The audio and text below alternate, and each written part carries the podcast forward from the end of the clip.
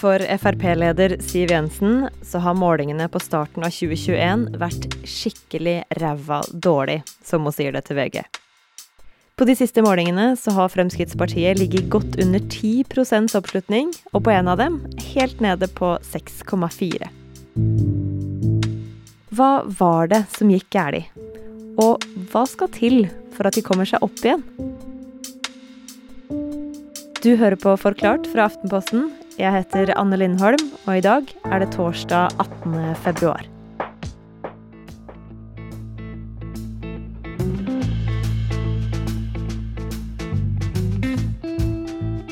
Den 8. april i 1973 så stiftes et parti med et ganske langt navn. Anders Langes parti til sterk nedsettelse av skatter, avgifter og offentlige inngrep. Som etter noen få år endrer navn til Fremskrittspartiet. Og fra 1978 av så er det Carl Ivar Hagen som bygger det opp. Når han tar over, så har de ingen representanter på Stortinget, men i løpet av tida han er partileder, så blir de stadig større som opposisjonsparti. Da er Frp en, eh, en, egentlig nesten som en motstandsbevegelse mot eh, det etablerte og mot vedtatte sannheter i norsk politikk. Trine Eilertsen er sjefredaktør i Aftenposten nå, men var politisk redaktør både her og i Bergens Tidende før det. Og hun har sett Fremskrittspartiet vokse. En eh, litt sånn rabulistisk outsider som eh, putter fingeren på litt ømme punkt i politisk debatt. Og som klarer å, bygge en velgerskare som ønsker eh, en litt annen retning da, enn det store mainstream-politiske Norge. Særlig innenfor økonomisk politikk, og etter hvert innenfor innvandringspolitikk.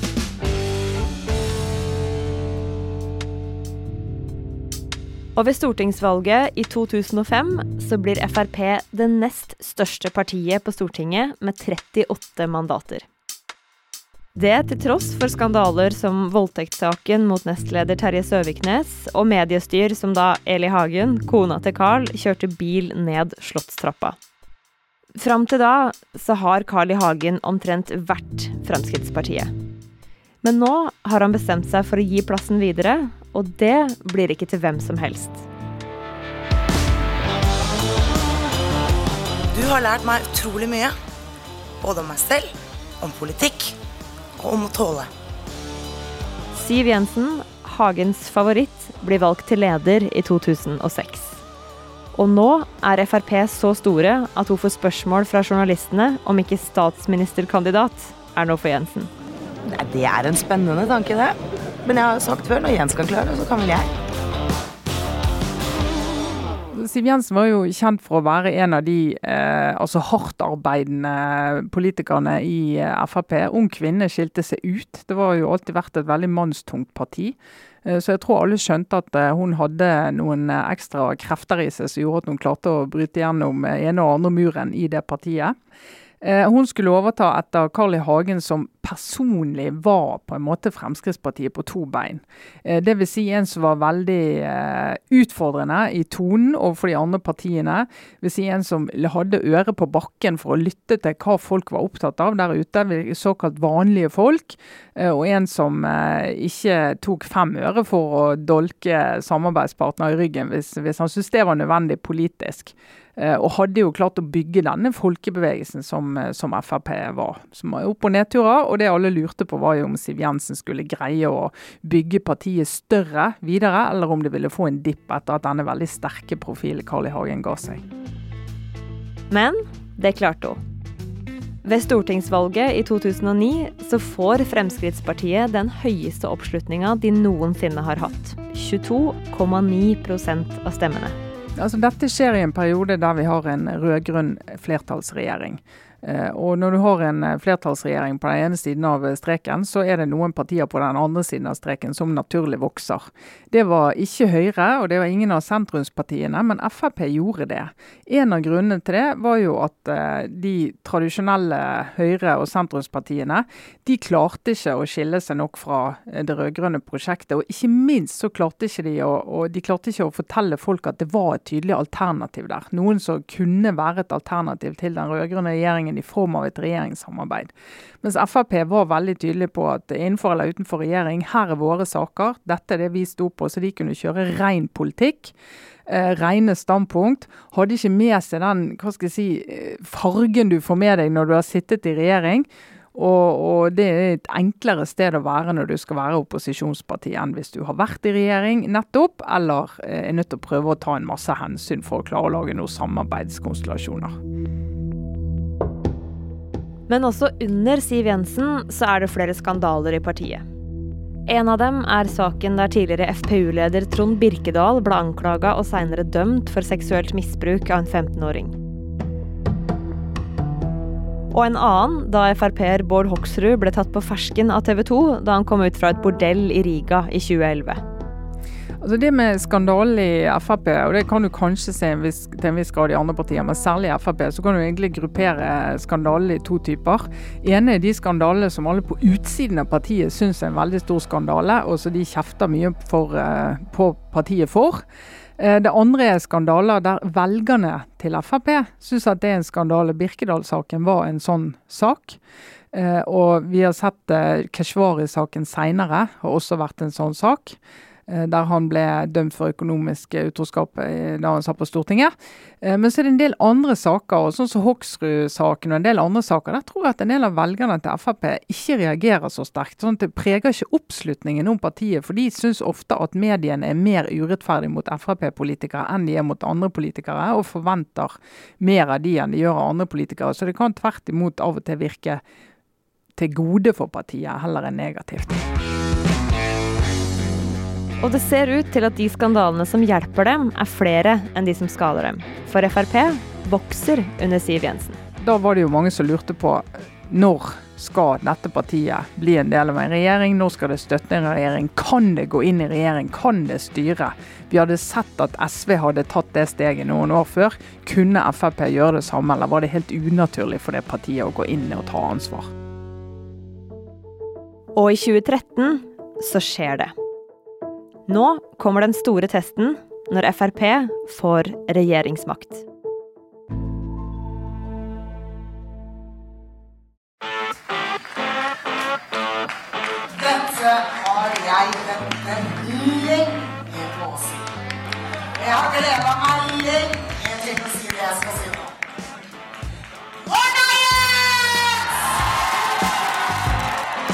I kjolen med leppestifter på og med salens største glis er Siv Jensen trygg på at Jens Stoltenberg er ferdig som statsminister.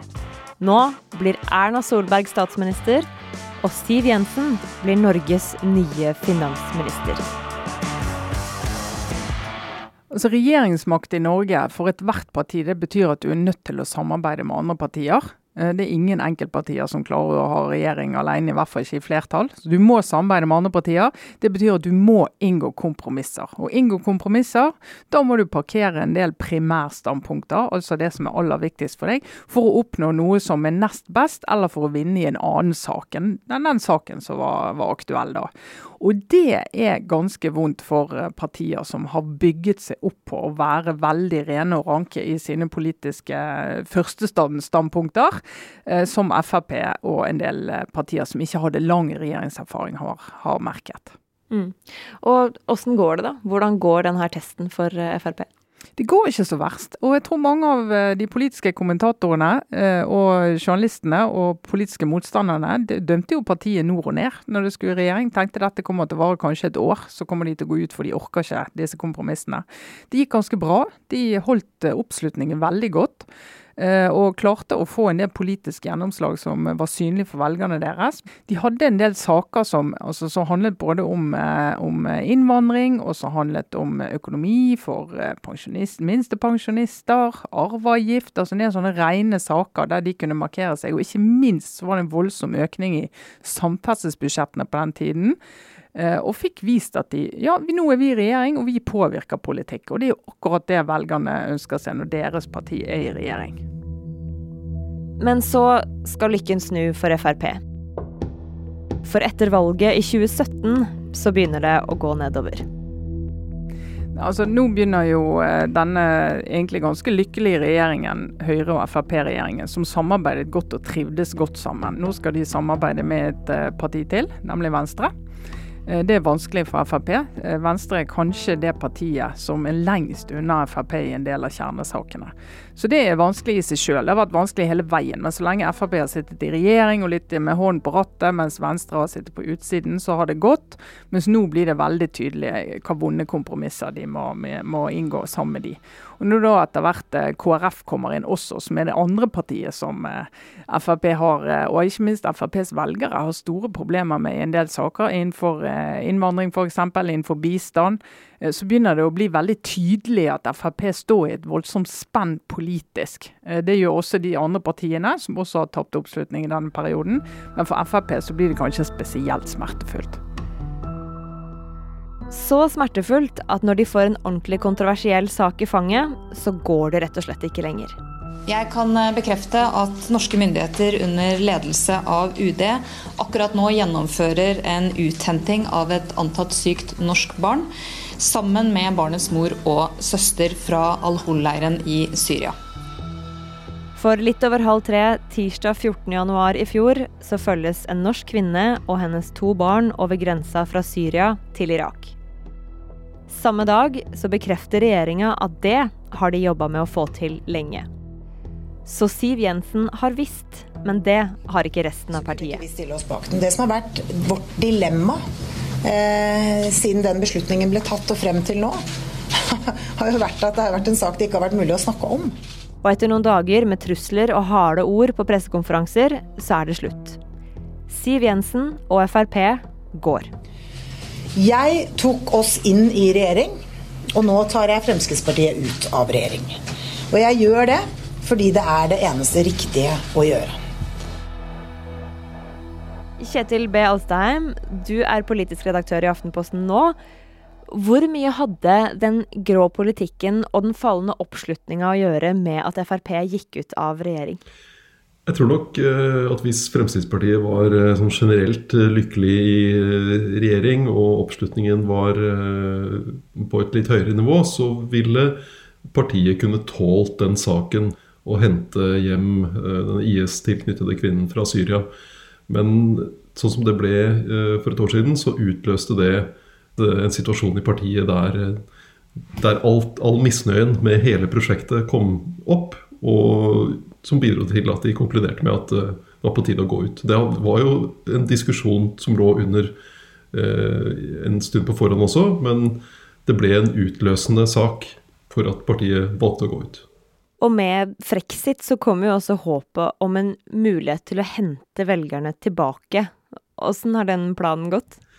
Nei, det, det, det, ble jo ikke så lett. Og det, jeg tror ikke det hadde vært lett uh, uansett. Fordi um, Fremskrittspartiet hadde jo sittet uh, over seks år i regjering, og velgerne glemmer jo ikke det så lett. De har hatt statsråder, profilerte statsråder i, i mange år. Og når Fremskrittspartiet selv ikke var flinke til å fortelle velgerne om det de hadde fått til, så, så blir det jo heller at alle angrep på, fra Frp på regjeringen blir til dels et angrep på Frp selv, siden de så lenge var en del av den. Men så, bare noen uker etter at Siv Jensen tok partiet ut av regjering og på nytt skulle markere seg som et opposisjonsparti, så kom koronaen. Og alle partier som ikke hadde statsråder som kunne stå på daglige pressekonferanser og lese opp nye regler eller komme med nyheter om støtteordninger, de syntes rett og slett mye mindre.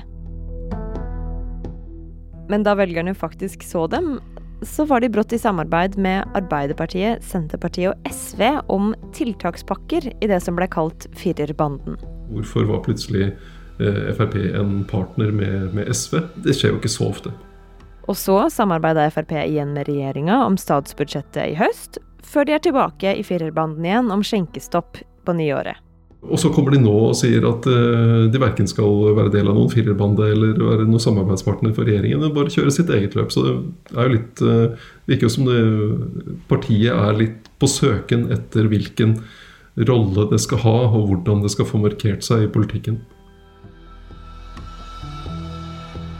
Men å markere seg, det kan de trenge. Og nå bør de få gjort det litt fort.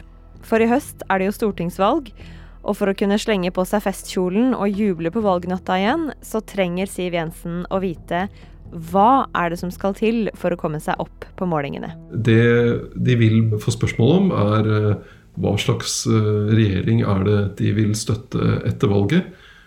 En del av et stortingsvalg er jo alltid hvem vil du ha som statsminister? Hvem skal sitte i regjering? Og der har Frp nå en en litt uklar eh, regjeringsstrategi. De er jo veldig tydelige på at de ikke vil ha Jonas Gahr Støre som statsminister. Men hvis de vil ha Erna Solberg som statsminister, hvordan skal de da samarbeide med, med henne? Eh, når de ikke vil samarbeide med Venstre og Kristelig Folkeparti, som de vil være avhengig av også for å kunne få et flertall. Ja, Og så er det jo spørsmålet så klart om koronaen kommer til å fortsette å overskygge alt fremdeles. Men tror du de får det til da, Kjetil? Jeg tror de har et veldig vanskelig utgangspunkt, men hvis FrPs saker av en eller annen grunn skulle komme høyere på dagsordenen, altså særlig da eh, spørsmål om innvandring og integrering, så vil jo det kunne gi Frp et, eh, et lite løft igjen. Men eh, de har en vanskelig posisjon, og de har en veldig sterk konkurrent i Senterpartiet. Så det, er, det ser ikke lovende ut for Frp foran stortingsvalget i år.